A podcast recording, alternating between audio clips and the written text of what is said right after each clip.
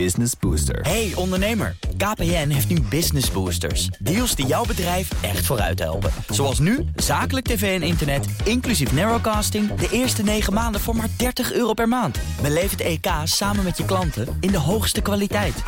Kijk op kpn.com slash businessbooster. Business Booster.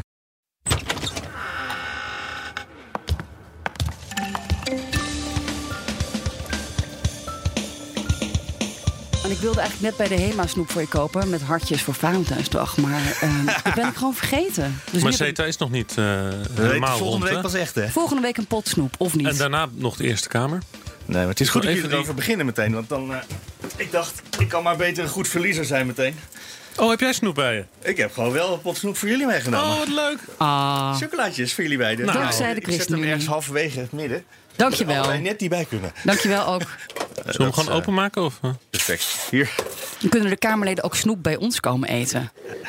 In denk plaats je dat van hij, wij bij denk je dat hij niet leeg is dan de, dinsdag? Hier, daar Wil zit dan er ook nog... Ja, ja, maar die kunnen we nu niet opeten. Ik kan hem wel even Volgens mij zit er alcohol in. openmaken. Oh, zit er alcohol in? Oh, dat denk ik niet. Maar uh, Op eh, topfeest. Heel slecht voor je tanden. ja, ik ga vanmiddag naar de tandarts. Dus ik dacht, het kan wel een keer. Zeg, laten we even officieel beginnen. Laten we... Ja. Oh, een beller. Dat is de eindredacteur. Die Niet belangrijk. Die is niet... het is Nieuwsroom Den Haag met in de studio dus Laurens Boven en Sophie van Leeuwen. Ik ben Mark Beekhuis en we gaan weer eh, met, met z'n drieën bespreken. Maar eigenlijk jullie vooral elkaar. Eh, wat het nieuws was waar jullie de afgelopen week mee bezig geweest zijn. Het is misschien nog goed om dat nog een keer uit te leggen aan iedereen. Dat jullie elkaar in Den Haag, jullie hebben wel één kamer ergens in de mediatoren. Maar daar spreken jullie elkaar verrassend weinig. Nee, Ja. want ik zat vooral eh, dag en nacht in, eh in CETA-debatten deze week. En eh, ik zat op de Franse ambassade. Ja, jij was daar niet bij, je, Laurens. Nee, ik spreek geen Frans. Althans niet goed genoeg om bij de ambassadeur op bezoek te mogen komen. uh, goed Duits reden, oder? Ja. Ja. maar daar moet ik meteen wel iets, eh, iets eh, kritisch vragen. Vorige week, Sophie, sprak jij Laurens erop aan dat hij koffie dronk op kosten van lobbyisten. Nou heb ik mij laten vertellen dat jij deze week op kosten van Frankrijk champagne hebt aangenomen. Ja, ik heb, nou, nee, ik heb de champagne niet aangenomen. Dat vond ik echt, echt een brug te ver. Maar Ja? ik heb me wel volledig laten inpakken natuurlijk. Dat, althans, dat was, dat was de bedoeling. Door de Franse ambassadeur met een vijf gangen déjeuner. Echt met foie gras en witte wijn. Inderdaad ook het was er mogelijkheid om is- champagne te drinken. En daar heb je netjes afgerekend. Toen zei ik, non, pas champagne. Ik moet nog op de radio. En maar, maar één kopje koffie moet wel- worden afgerekend. En hoe liep dit af? Ik heb dus wel gegeten op kosten van eh, Emmanuel Macron. Ja. En maar, maar waarom heb ik het gedaan? Want Ik weet dat het eigenlijk niet mag. Althans, hè, dat hoor, je dus wel. natuurlijk onafhankelijk moet blijven. Maar ik was vooral nieuwsgierig naar eh, ja, hoe op dit moment eh, Emmanuel Macron, de Franse president, ons journalisten, ons Nederland volledig aan het inpakken is. Probeert vrienden te worden. En hoe dat achter de schermen dan gaat. Is dus ik wilde weten hoe dat werkt. Is, dat het, is eh, Macron bezig om Nederland en de journalistiek in Nederland eh, vriendjes te maken, in te pakken? Ja, totaal. We zitten nu eh, nog misschien net twee weken na de Brexit. En waar is hij mee bezig? Nieuwe vrienden zoeken in Europa. Mark Rutte en de Nederlandse pers. En vorige week hield hij een speech waarin hij zegt: eh, Ik heb eigenlijk hulp nodig van jullie met mijn nieuwe eh, nucleaire strategie. Met mijn kernbommen, mijn kernwapenarsenaal. Dat is namelijk verouderd. Dat stamt nog uit de tijd van Charles de Gaulle. Oude troep moet eh, gemoderniseerd worden. Trump is dat ook aan het doen. Dat kost tientallen miljarden euro's. En nou ja, vervolgens dus geeft hij die speech. En dan maandag zitten wij bij de ambassadeur te lunchen. En te praten achter de schermen over de relatie tussen Frankrijk en Nederland. Het was trouwens niet, het was de privéwoning. Kan je nagaan, dat is nog exclusiever. Hè? Het was de privéwoning van de ambassadeur. Dus dat was een grote eer, echt een paleis met allemaal dure kunst aan de muur. Maar weet je, ik heb er niet zo'n probleem mee hoor. Met dat, eh, met dat gelunch en die kopjes koffie. eh, en, je, en, en, en dan op die manier met die mensen praten. Dat is een beetje ook hoe het gaat, toch? Het heeft een functie, want zo kom je er achter, achter de schermen, wat hun agenda is. Wat ze nou eigenlijk van ons willen.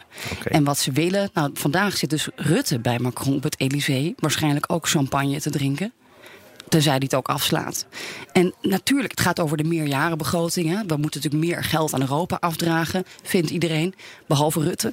Maar dat gaat natuurlijk ook over die kernwapens. Mark, doe mee. Strategie, samen. En meebetalen. Want je kunt natuurlijk niet gratis onder mijn nucleaire paraplu. Frankrijk wil ons best beschermen. Maar dan moet, uh, moeten wij wel meebetalen aan die Franse kernwapens. Ja, en ze willen ook natuurlijk wel, ja, ook uh, een Europese defensiemacht. Hè. Ze willen eigenlijk Europees. En dan ook misschien tegen de Amerikanen. Dus ook een beetje de middelvinger naar Trump Ja. opsteken. Maar Nou, goed, Ja, ik weet dat niemand het over een Europees leger wil hebben. Maar het is toch veel logischer dat wij voor onze eigen kernwapens gaan betalen dan voor Fransen. Voor, voor onze eigen Ja, kernwapens. dat wil zeggen, oké, met de Fransen, we gaan het samen doen. Maar dan zijn ze ook van ons, voor een stukje. Maar het probleem is dat in het regeerakkoord staat dat we eigenlijk werken aan een Minder ontwapeningsstrategie. Het is waar. Dus, en Macron zegt juist, we moeten eh, onszelf gaan verdedigen tegen nou ja, mogelijke inval in, wie weet, Oost-Europa, Baltische Staten, Rusland, wie dan ook. Wij moeten zelfstandig onze veiligheid eh, gaan regelen. Maar in Den Haag hoor ik een heel ander verhaal. Nou, dan hebben wij dit verhaal dus van- vanochtend uitgezonden. Les Européens doivent également pouvoir proposer ensemble Hè, over eh, de kernwapens. un agenda international de maîtrise des De armes. Fransen, de Nederlanders. Ils ne peuvent pas se cantonner un rôle de spectateur. En dat was een beetje een ingewikkelde productie voor eh, Sofie en mij. Want eh, wij zitten elkaar eigenlijk altijd een beetje in de haren. over wie buitenlandse zaken mag doen. Hè? Want Sofie die, heeft eh, een liefde voor Frankrijk. Ik eh, heb iets met Duitsland. En eh, allebei wel een beetje met buitenlandse zaken. Zullen we afspreken dat jij dan naar de lunches gaat op de Duitse ambassade? en dan hou ik gewoon die vijf gangen déjeuners van ja, de maar dan Franse krijg ik ambassade. geen eh foie gras bij de Duitsers. Wat krijg je daar dan? Eh, hier, Sauerkraut. ja, mijn worst waarschijnlijk. Ook lekker. Maar goed, die, dus we zaten een beetje met dit verhaal. Want het geinige was, de, Rutte die gaat namelijk ook nog naar München. Dat ligt in Duitsland. Eh gaat eerst naar Parijs en dan naar München. ja, Dus nu, dat is jouw afdeling. Nu pak jij het dus over. ik had, Ja. ik had zeg maar de afdeling eh ehm, eh, München van Rutte's weekendje eh, al geclaimd. Dus ik wou een eh, verhaal maken over eh, eh, de veiligheidsconferentie die daar vandaag en morgen plaatsvindt. Een jaarlijks fenomeen. Waar eh toet eh, de, wereldmacht eh, met elkaar praat. Macron gaat daar ook heen. Dus eigenlijk gaan ze samen. Ik denk dat ze allebei een eigen vliegtuig pakken. Maar ze kunnen in principe samen zouden doorvliegen. kunnen... van- Oh ja, ik wou zeggen carpoolen, maar ja, maar monsieur le président, hè, die gaat natuurlijk niet bij Rutte in het vliegtuig. Nee, maar je kan toch wel meeliften met hem? Eh, met, de, met de Fransen? Ja. ik denk niet, Zoals we ook eh, op hun kernwapens zouden kunnen meeliften. Ja, dat zou Macron wel willen, maar ik denk dat Rutte daar Ja. weer een beetje de man voor is. Dat hij gaat niet bij. Maar dat 1 2 dus vandaag in het Elysée is dus geen toeval. Hè? Want morgen gaan ze naar München. Ze hebben even. Nee, ze gaan vandaag naar München. Ze vliegen meteen door. Ja, oké. ja, ze hebben een voorgesprekje. Even Ja. samen dingen afstemmen. Ja. Toch? Maar jij had in het vliegtuig met Rutte mee willen vliegen vanuit Parijs. Ja, dat was mijn eh, eh, wens eigenlijk. Want ik had gezegd tegen. eh, ik was dus een verhaal aan het maken. Dus ik wilde Rutte spreken over die conferentie en zo. En ik, had dus, ik wilde dus meeliften naar, eh, naar München. ehm, in de regeringsvliegtuig. Maar dat lukte niet. Waarom Maar- mocht je niet mee trouwens? Ja, dat ging niet. Zo. Dat, ze, ze nemen soms journalisten mee. Eh, ik ben wel eens mee geweest met Koenders een paar jaar geleden. eh, op een trip naar eh, Tunesië. Daar was toen net een aanslag geweest. En daar moest iedereen heen. Hartstikke leuke reis. Maar goed, dat gebeurt soms. Hè? Want je, als je verslag wil doen, daar wordt ook heel scheef vaak naar gekeken. Van de parlementaire pers die meevliegt met de, met de minister in dat regeringsvliegtuig. Allemaal hartstikke luxe. Ehm, maar eh, het is vaak de enige manier om verslag te kunnen doen van zo'n reis. Hè? Want zo'n reis zit in zo'n tempo. Dat je moet wel mee met de, in de bubbel van de minister. Anders, anders kan je er niet bij zijn. Maar ja, het gaat misschien wel over kernwapens. Dus dan wilde hij jou natuurlijk niet. Het zou zomaar Naast kunnen. Ja, dat zou zomaar, ja. Maar goed, stoel. ik was dus een verhaal aan het maken over, dat, eh, over die conferentie. En ehm Sophie was ondertussen bezig met dat kernwapenverhaal. En we zaten elkaar eigenlijk een beetje te weg te concurreren over wie kan nou dat verhaal doen op eh, vrijdagochtend. En het geinige was, ik was allemaal mensen aan, de- aan het bespreken over. Ik, Rutte lukte niet, maar eh, Kamerleden wel. En al die Kamerleden begonnen over kernwapens. Ploemen en Sven Koopmans. En iedereen had iets met kernwapens. En toen begon Sofie over kernwapens. En toen heb ik uiteindelijk heb ik maar ehm, eh, eh, Sophie eh, dat verhaal verder. eh, nou, ja, ik ben ermee gestopt, zullen we zeggen. Want ik dacht, nou, als iedereen al begint over kernwapens, dan ligt daar kennelijk het verhaal. Ja, nou gaat het natuurlijk niet over Duitsland, maar dan ligt de bal bij Macron. Ja. De enige kernmacht die we nog hebben in de Europese Unie. Ja. Ze voelen zich heel erg alleen. Dat, dat De Fransen. Ja, dat, dat hebben ze voelde ons me wel echt een duidelijk beetje gemaakt. schuldig. na de eh, brexit. Ik voelde me wel een beetje schuldig, moeten- Sofie. Want jij bent al drie dagen verslag aan het doen eh, van CETA. Volgens mij ben ik al drie dagen niet op zender geweest. En dan moest je ook nog eens een keertje vanochtend vroeg dat verhaal over die kernwapens vertellen. Ik stel voor dat jij maandag, dinsdag en woensdag op zender gaat. Ik neem een dagje vrij. Ben je Wat? niet aan het werk geweest dan? Je zegt, ik heb drie dagen, heb je me niet kunnen horen op zender. Maar je, hebt wel, je bent wel bezig geweest met verhalen. Ja, met een verhaal wat we niet uitgezonden hebben. Hè? Ja, dat is ook waar. Ja. Maar je komt maandag toch met een scoop? Eh, Oké. Je hebt nog een heel weekend. Ik denk Wordt dat aangewerkt. Ik ben ondertussen eh, heb ik gewoon gedacht, ik ga andere leuke dingen doen. Vertel.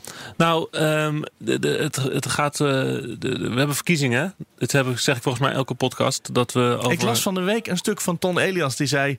niemand heeft het door, maar er zitten verkiezingen aan te komen... en iedereen is bezig met voorbereidingen. En toen dacht ik, Ton Elias heeft deze podcast nog niet ontdekt. Nee, maar hij heeft wel gelijk. Want inderdaad, iedereen is zich aan het eh, voorbereiden. Natuurlijk intern achter de schermen. Eh, met met eh, de ruzies binnen de partijen. Met kandidatenlijsten en zo. Iedereen, je ziet heel veel Ja, zijn plannetjes. ging ook over die kandidatenlijsten specifiek... en dat, men, dat er allemaal ehm, ja-knikkers werden Kijk, benoemd het is in net als met functioneringsgesprekken binnen een bedrijf. Wat je de laatste weken hebt gedaan, dat valt het meest op. Ja. En, en dan, zo zit dat ook nu. Dus je ziet het bij, bij eh, Kamerleden die eh, nog Grote even... profileringsdrang. Exact. Hè? Dus van de week dat verhaal van Martin Groothuizen van D66 over die arbeidsmigratie. Eh, nou, dat Niet per ongeluk. niet per ongeluk. Dat zit allemaal in diezelfde molen van we moeten eh, even goed onszelf in de Hij is bang dat hij zijn baan kwijtraakt na de. Nou ja, zo direct weet ik het niet, maar het is wel inderdaad die, die, hè, die profilering die zit erin. Maar er is nog iets anders gaande en dat is dat ze allemaal aan het oefenen zijn. Ze zijn aan het warm draaien voor die campagne zometeen. En, en dat kan je zien. Je ziet het gewoon gebeuren, want er zit ook heel veel politieke communicatie in. En ze zijn op zoek naar, naar, naar nieuwe vormen.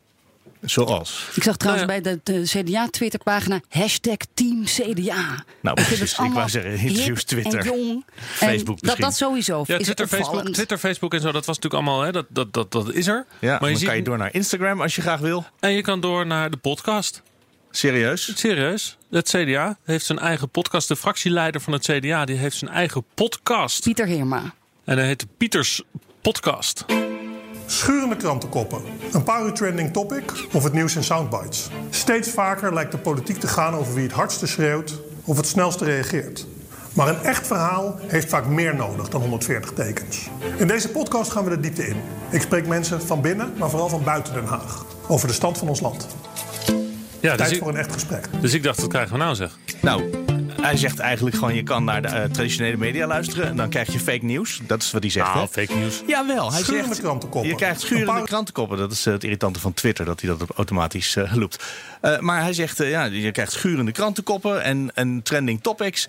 En daar gaat het allemaal niet om wat je bij de oude media kan krijgen. Dat is allemaal, nou misschien niet fake, maar totaal irrelevant. Het gaat om het goede gesprek. En dat kan ik, notabene een politicus, Ja, wat ik, ik, ik, ik, ging naar, ik kwam hem tegen gisteren in de, in de wandelgangen en ik zei, eh, ik, ik riep even, "Hey, Pieter, even over, de, over je podcast. Want ik zit in jouw promofilmpje. Ik was een beetje beledigd zelf. Want eh, het inderdaad, ik, voor mij viel ook op dat hij zo een beetje zo, hè, de, de, even een veeg geeft naar de pers dat we te snel zijn en te ongenuanceerd. En, en eh, terwijl hij dat dus zegt, wat je net hoort, zie je dus foto's of be- beelden. En dan zie je dus ook mij, ik, die hem interviewt. Eh, dus toen, daar, daar moet ik even over praten, Pieter. Dus ik heb hem even gesproken over wat hij nou aan het doen is met zijn podcast. Hoe heet uw podcast, eh, Pieter Herme? Die heet Pieters Podcast. Pieters Podcast. Ja, dat klopt. En, en het doel? Ehm, afgelopen jaar als Kamerlid ben ik op heel veel plekken geweest eh, waarvan ik dacht: dit is echt een mooi verhaal.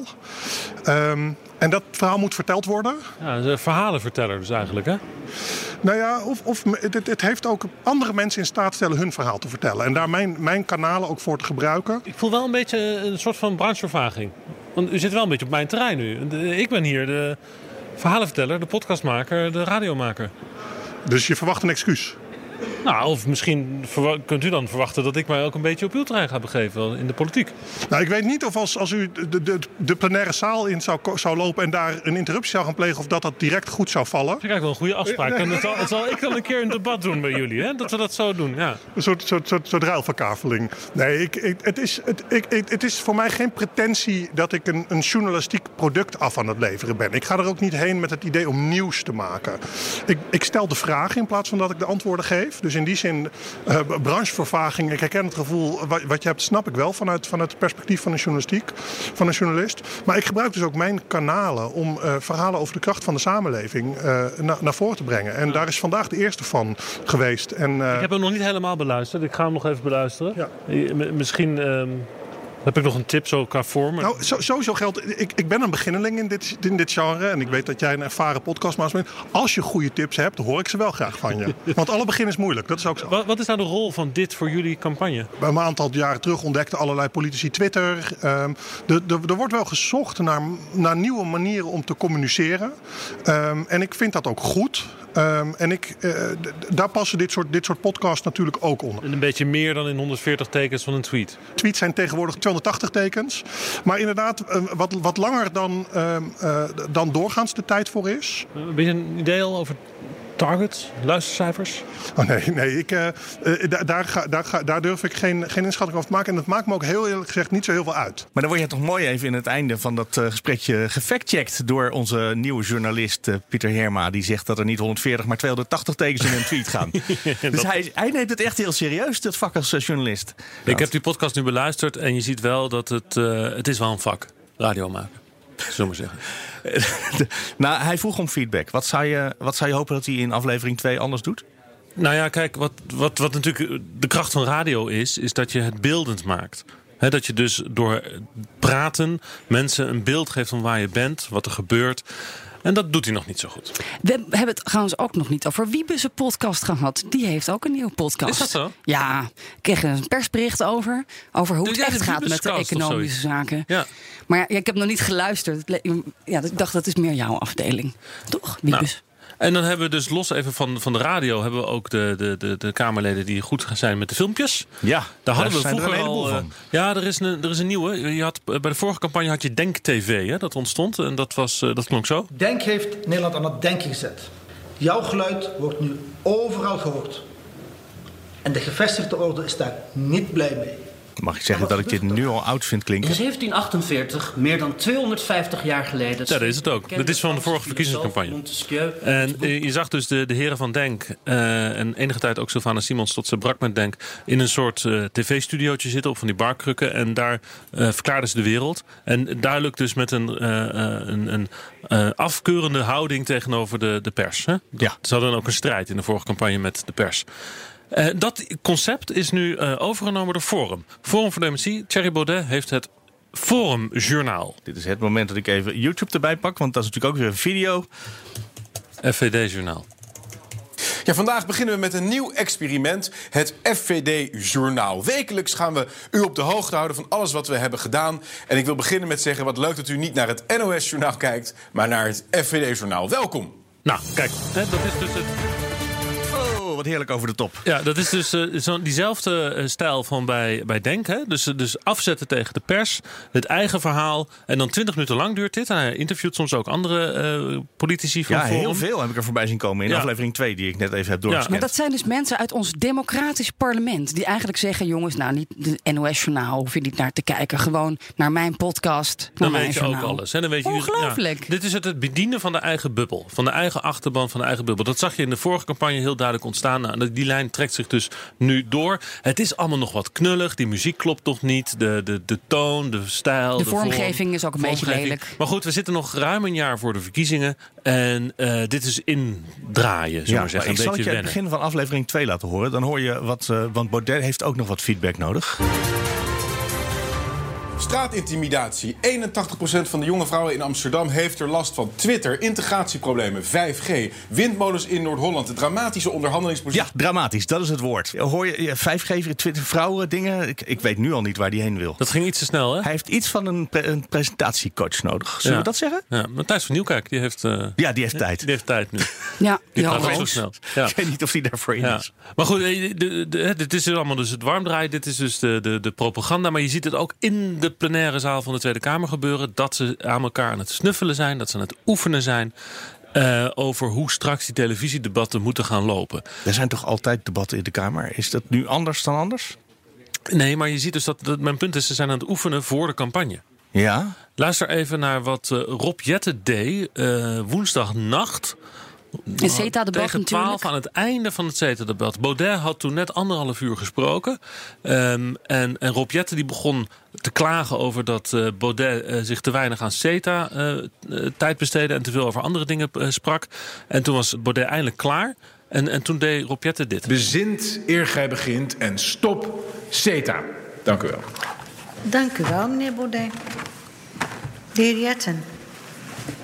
Ja, voorzitter, ik heb nog heel even nagedacht... Uh, naar aanleiding van het vorige interruptiedebat dat ik had met de heer Baudet. Want uh, we debatteren vaker de laatste tijd en dat, dat zet de mensen aan het denken. En de heer Baudet sprak net over uh, historische patronen die we moeten herkennen. En dat vond ik eigenlijk toch wel een hele goede opmerking van de heer Baudet. Historische patronen moet je herkennen, zodat je ervan kan leren. Dan is mijn vraag dus, als we nu het historische patroon herkennen... waarbij rechters worden aangevallen, de internationale recht, rechtsorde ter discussie wordt gesteld... wetenschappers worden aangevallen... is dat niet het moment om met elkaar op te staan en te zeggen... tot hier en niet verder? De heer Baudet. Nou, ik begrijp niet precies wat heer Jette nou bedoelt... maar ik denk dat het heel verstandig is dat wij in een democratisch debat... en een democratische samenleving alles bevragen... en dat we ook alle standpunten mogen innemen en verdedigen... en op grond van argumenten wel of niet mensen daarvan kunnen overtuigen. En ik denk dat in dit geval, de voorbeelden die hij noemt... Er, er is een... Er is echt een vervreemdingstrend gaande. Mensen die, uh, die voelen zich niet vertegenwoordigd door de gevestigde machten. Er is, een, er is echt een, democratische en sociaal, zeg maar, sociaal cohesie gesproken uh, crisis. En ik probeer die kloof te dichten. Ik probeer mensen in Nederland weer bij elkaar te brengen. En uh, ja, wat wat tekent mijn verbazing dat de partij die bij uitstek de inclusiviteit benadrukt... continu uh, hamert op het uitsluiten van ons als, als, als partner in, in, in discussies. U, zei zelfs, ja, ik had hier... Bij Nieuwsuur zat we in, in een gesprek. Ja, ik had hier eigenlijk misschien niet moeten zitten. Heel veel mensen zeggen, ik moet hier misschien niet zitten. Wat is dat nou voor houding? Ja, dat zeggen mensen tegen mij, maar ik zat er wel. Om dat zijn ze, toch, dat zijn ze toch weinig tolerant, hè? Maar dat, maar dat, maar Die ik achterban ga, ik van u. wel dat Linkse mensen zijn zo intolerant. Het is ongelooflijk. Dus jij zegt, Laurens, dit komt gewoon copy-page in de, uh, ja, het verkiezingsdebat volgend Ja. jaar, begin 2021. Ja, je moet dit fragment maken inderdaad even bewaren. En dan komt er, ik neem er vergif op en er komt een verkiezingsdebat... waar je gewoon deze, deze woordenwisseling... De linkse mensen zijn intolerant. Nou, je ziet het, dat, kijk, gaat hij straks, Rob Jetten- dat gaan we terug horen in een verkiezingsdebat. Rob Jetten die komt met een hele, hele principiële kritiek. Hè? Eigenlijk hun kernkritiek op de ideologie van Forum. Die haalt hij erbij. Het gaat helemaal niet over CETA. Het gaat over een ideologisch conflict. En eigenlijk geeft Jetten gewoon zelfs de verkiezingsslogan slogan al weg. Tot hier en niet verder. Dat is dus het democratische D66-argument tegenover Forum voor Democratie.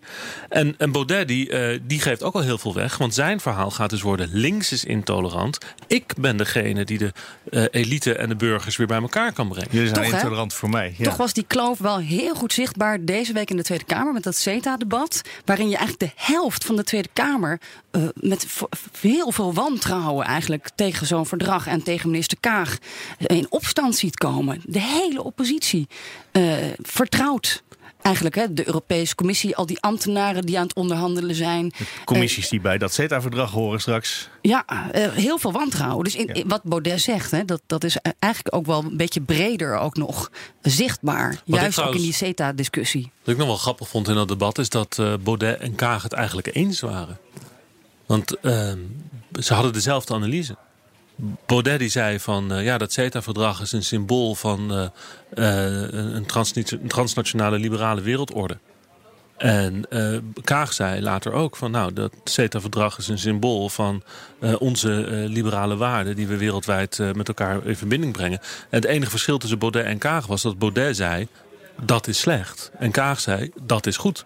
Maar ze waren het eigenlijk over wat het CETA-verdrag is op zich eens. Zal ik je zeggen dat ik dat eigenlijk heel fijn vind? Dat het dus gaat over wat je ergens van vindt en niet meer een discussie Nou, over wat de het feiten zijn. Ik vond het van een heel leuk debat, toch, eh, Sophie? Het was bedoel- eh, heel, heel vermakelijk, interessant, lang. Maar ja, eh, het ging, ging over de vers- verschillende wereldordes. Of het beeld, hè, het wereldbeeld. Beetje langer dan verwacht ook, want jij moest halverwege de avond een hotel boeken. Ik heb nog lekker op het buitenhof, dus net naast het binnenhof inderdaad, in een uh, heerlijke hotelbed vijf uur gelegen. tot, uh, ja, tot de wekker ging en toen begon het weer overnieuw. Meestal hebben we een soort van zelfsprekende conclusie. Daar moeten we langzaam naartoe gaan werken, denk ik. Nou ja, moeten we nog ergens een pot snoep op inzetten vandaag? Nou, dat wou ik niet elke week in doen, want dan verlies ik elke week een pot snoep vanaf hier. Uh, we zijn er een beetje ingerommeld, maar die pot snoep die jullie aan het begin dus gewonnen hadden met die heerlijke chocolaatjes, die hadden dus te maken met dat CETA er wel door gaat komen. We zijn een beetje voorbarig, want de stemming is volgende week, maar jullie twijfelen niet meer. Nou, de ChristenUnie die, uh, die gaat wel om. Maar dan gaan we daarna doorpraten in de Eerste Kamer. En Weet daar is doen? ook nog geen Gaat meerderheid. het daar wel sneuvelen dan? Nou, dat hangt dan weer af mogelijk van de P van de A. eh, die hun handtekening hebben gezet. Hè? Bloemen onder het CETA-akkoord. En nu zijn gaan draaien. Zullen we anders gewoon eh, zeggen dat wij een pot snoep teruggeven als het CETA in de Eerste Kamer sneuvelt? Double or quits, ja precies. Doe maar gewoon twee. Ja. That's a deal. Oh nee, in het Frans natuurlijk. Hè? Je suis d'accord. Dan moet ik zeggen, eindverstanden. Bis- eh, à la semaine prochaine. Precies. Ja, jij zegt tot volgende week. Omdat je alleen maar in Nieuwsroom Den Haag zit. Ik zeg alvast tot maandag. Want maandag is er weer een gewone Nieuwsroom aflevering. En dat is ook misschien goed dat we er even zo de verwarring erin hebben. Want dat betekent ook dat je op twee manieren kan abonneren op deze podcast. Je kan je abonneren op de vrijdagse afleveringen. Dan moet je even op naar bnr.nl slash nieuwsroom Den Haag. Of naar bnr.nl slash nieuwsroom. Als je je wil abonneren op vijf afleveringen per week. Dan krijg je deze politieke podcast. En dan bovendien ook nog vier met het algemene nieuws van het FD en BNR. En als je op die pagina komt, bnr.nl slash nieuwsroom. En trouwens ook nieuwsroom Den Haag. Dan staan daar ook nog altijd de links bij naar de artikelen die horen bij de onderwerpen waar we het vandaag over hebben gehad. Eh, dus jij zegt zo, tot volgende week, Sophie. Maar misschien dat je al eerder ook weer gewoon in een normale nieuwsroom optreedt. Lijkt me heerlijk. Net als Laurens natuurlijk. Die praten nou wel bijna net zo snel als eh Baudet praten in zijn Ja, ik dacht, eh, weet je hoe lang we al zijn? En er moeten allemaal nog quotejes tussen gemonteerd worden. Ja. Tot de volgende keer. Tot de volgende keer.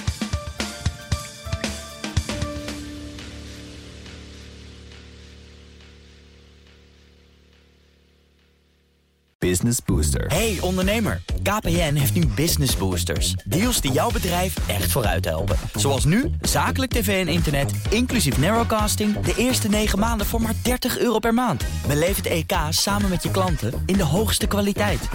Kijk op kpn.com slash businessbooster. Business Booster.